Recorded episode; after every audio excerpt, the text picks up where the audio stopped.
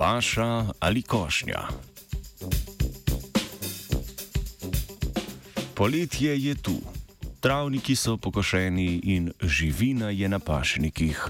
Na današnje jutro pa se selimo na pašnike iraškega dela Kurdistana. V nedavno objavljenem članku so znanstveniki in znanstvenice predstavili rezultate raziskave, v kateri so primerjali sestavo in raznolikost rastlin na območjih paše in košnje.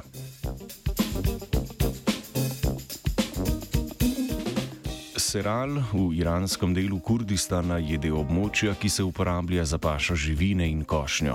Mrzle zime namreč onemogočajo celoletno pašo, zato je v tem delu leta živali treba hraniti z nabrano krmo. S tem namenom lokalni prebivalci vsako leto od začetka maja do konca junija s pomočjo kose kosijo površine, kjer se živina ne pase. Raziskovalno skupino pa je zanimalo, kakšen vpliv imajo različne prakse upravljanja, torej košnja in paša, na pokritost površine z rastlinami, sestavo vrst in rastlinsko biomaso.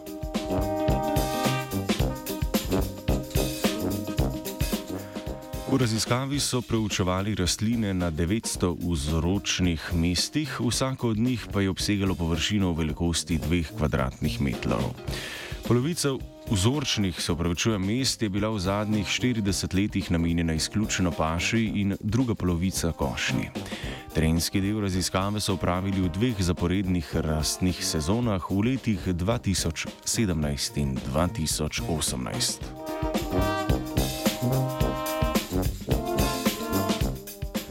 Rezultati raziskave so pokazali, da so bile bolj pokrite z rastlinami površine namenjene paši, kot pa površine namenjene košnji.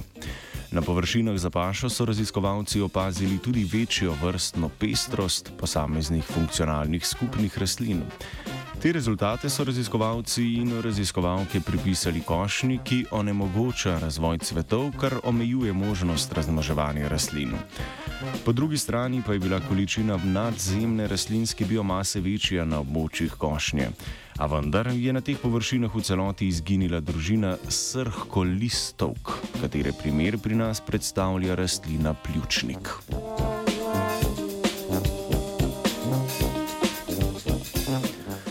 Z naravovarstvenega vidika je tako raba površine za pašo bolj primerna, saj dolgoročno ohranja bogatstvo vrst in značilno rastlinsko sestavo pašnikov.